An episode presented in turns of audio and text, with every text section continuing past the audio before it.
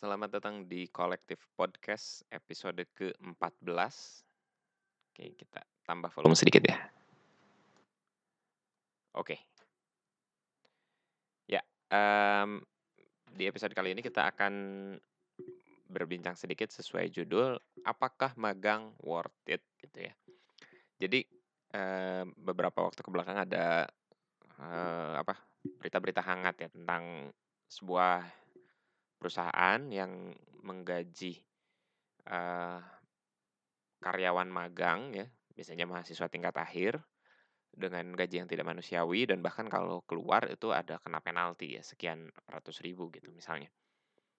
Em, untuk diketahui teman-teman eh, kolektif semua, hal semacam ini tuh banyak gitu ya, tidak hanya terjadi di perusahaan itu. Ya mungkin apesnya dia eh, banyak yang eh, nge-up lah gitu ya, banyak yang eh, nge-expose gitu.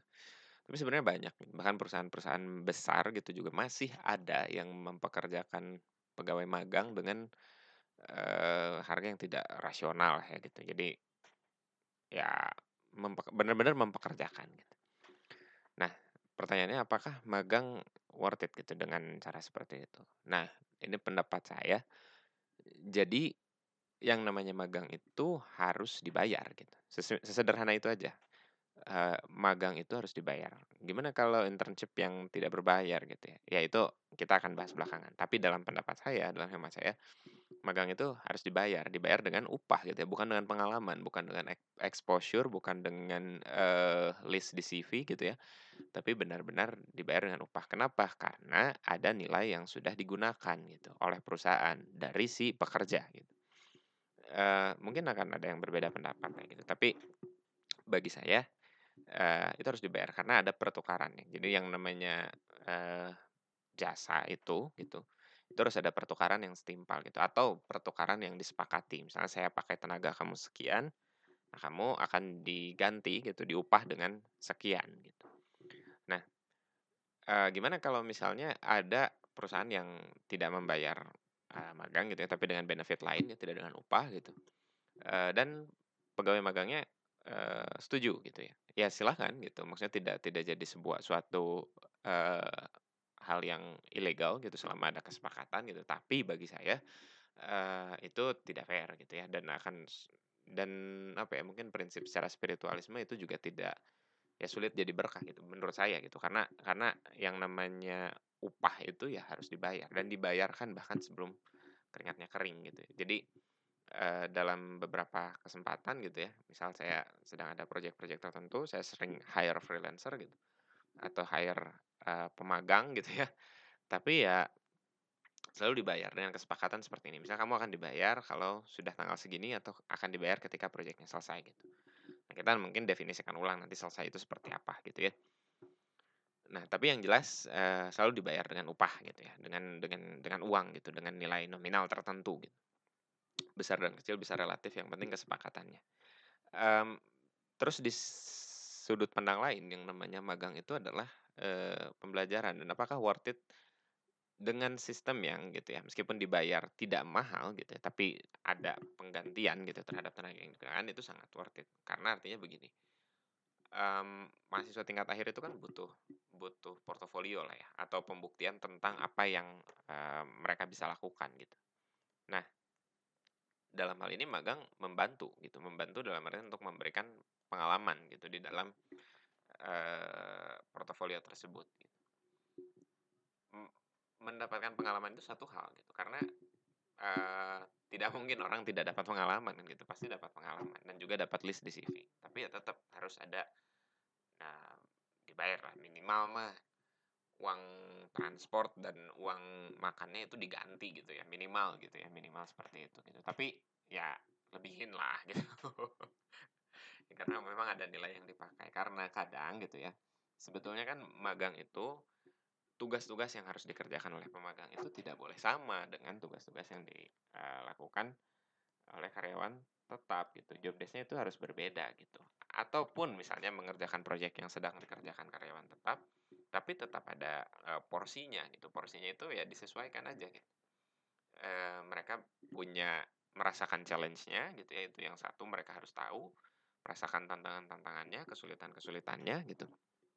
Eee, tetapi ada, mmm, apa namanya, jedanya juga berbeda gitu. Jadi, mmm, intensitasnya tidak setinggi karyawan tetap gitu, pe tanggung jawabnya tidak setinggi karyawan tetap. Itu mah sudah sudah jadi harus sebuah sebuah keharusan ya gitu. Jadi jangan sampai, eee, pegawai magang punya job desk yang sama persis dengan karyawan tetap. Nah itu ya itu pelanggaran lah gitu, maksudnya dalam artian, eee kok bisa gitu anak yang baru datang, tidak tahu apa-apa, tapi dapat tanggung jawab tugas yang besar gitu. Dan bahkan dari kerjaannya itu, eee, nantinya eee, digunakan untuk untuk ya project yang sesungguhnya gitu ya, ba baiknya kan jangan gitu, maksudnya, karena dia tidak akan punya kapasitas untuk bertanggung jawab sebesar itu gitu. Yang namanya magang itu pembelajaran. Nah, dari sudut pandang misalnya pengusahanya gitu, apakah mempekerjakan magang worth it? Tergantung dari bagaimana cara kita, eee, memberikan tugas gitu. Kalau kita berharap mereka ingin achieve target yang sama dengan karyawan tetap, memberikan keuntungan yang sama gitu ya, itu salah dari pola pikir, eee, pengusahanya. Itu kita justru sedang membuka kesempata kesempatan, memberikan pendidikan secara langsung gitu. Kalau mereka tertarik, kita akan punya workforce yang for workforce yang baru gitu. Dan misalnya, oh dia memang beneran bisa kerja ternyata gitu. Ya udah kita ambil gitu kan, nanti yang untung kita-kita juga gitu yang yang yang jadi, pe pemberi usahanya gitu. Mmm, terus selain itu mmm, suka ada juga sih ya, misalnya perusahaan yang mempekerjakan banyak pe pemagang gitu ya. Terus, eee, mereka hanya dipakai gitu ya tenaganya untuk mengerjakan proyek-proyek tertentu, setelah selesai mereka keluar, mmm, dan tidak tidak dibayar dengan apa pun gitu, bahkan tidak dengan dengan sesuatu hal yang yang yang layak gitu untuk untuk di, eee, bawa pulang gitu. Hanya dapat capeknya saja misalnya, seperti itu. Itu juga, eee, hati-hati gitu, misalnya kita misalnya ada perusahaan yang mementingkan growth gitu ya, pertumbuhan gitu, dengan cara meng-hire atau mempekerjakan, eee, pemagang sebanyak-banyaknya gitu. Nah itu ya jelas salah lah ya, lebih baik tumbuh sedikit-sedikit dan bayar sesuai kemampuan aja gitu, bayar kalau misalnya mampunya bayar satu orang secara full time, ya nggak apa-apa satu orang dulu gitu, tapi terus-menerus gitu. Mmm, terus dari sudut pandang pemagang, ya ini yang yang harus hati-hati, kalau misalnya tidak tidak bisa seenggaknya mengganti uang saku eh, uang transfer dan uang makan, ya jangan gitu. Apa pun kondisinya gitu, karena toh kita sendiri nanti yang akan yang akan capek gitu, yang akan, eee, dieksploitasi lah gitu istilahnya. Kalau dia memberikan keuntungan yang ya mungkin tidak besar, tapi untuk ukuran pemagang gitu yang job desk-nya tidak terlalu tinggi itu masih layak gitu, ya ambil nggak apa-apa, pengalamannya berharga nggak apa-apa gitu. Kecuali teman-teman memang pure hanya ingin punya pengalaman. Misalnya saya nggak apa-apa, nggak dibayar, tapi saya ingin nyoba ngerjain itu karena misalnya saya masih dibiayai orang tua atau saya punya sumber penghasilan yang lain, monggo gitu ya. Tapi jangan sampai jadi, eee, ngomel atau misalnya protes, eee, padahal di awal sudah dikasih tahu misalnya tidak dibayar atau bayarannya segini, tapi kitanya masih tetap kekeh mau gitu. Ya itu mah, eee, tanggung jawab teman tem teman-teman sendiri gitu. Tapi kalau misalnya di awal nggak ada kesepakatan itu tuh, tapi tiba-tiba kita ada, eee, pemotongan, ada penalti kalau keluar, nah itu harus hati-hati gitu. Jangan sampai, eee, hal seperti itu terjadi gitu. Kita harus benar-benar mengecek gitu, ini beneran nggak gitu, terpercaya nggak gitu. Nah, itu makanya meskipun magang itu usahakan tetap minta kontraknya, kalau mereka tidak memberikan kontrak, ya harus hati-hati justru jangan jangan sampai nanti karena kita nanti suatu saat bisa tiba-tiba ada job desk yang, "Loh ini kan tidak ada di obrolan awal," gitu, dan teman-teman tidak akan bisa menolak karena ya tidak ada kontraknya gitu. Nah itu ya, jadi, eee, banyak pemagang yang terjebak dalam hal seperti itu gitu. Nah, tapi biasanya kalau perusahaan-perusahaan yang udah tersertifikasi ISO lah ya misalnya, ISO 9001 gitu, itu mereka jarang sih mempekerjakan, eee, pemagang tidak dibayar gitu misalnya, pasti dibayar gitu, eee, dan mungkin tidak akan sampai UMR juga, tapi ya tugasnya juga disesuaikan gitulah.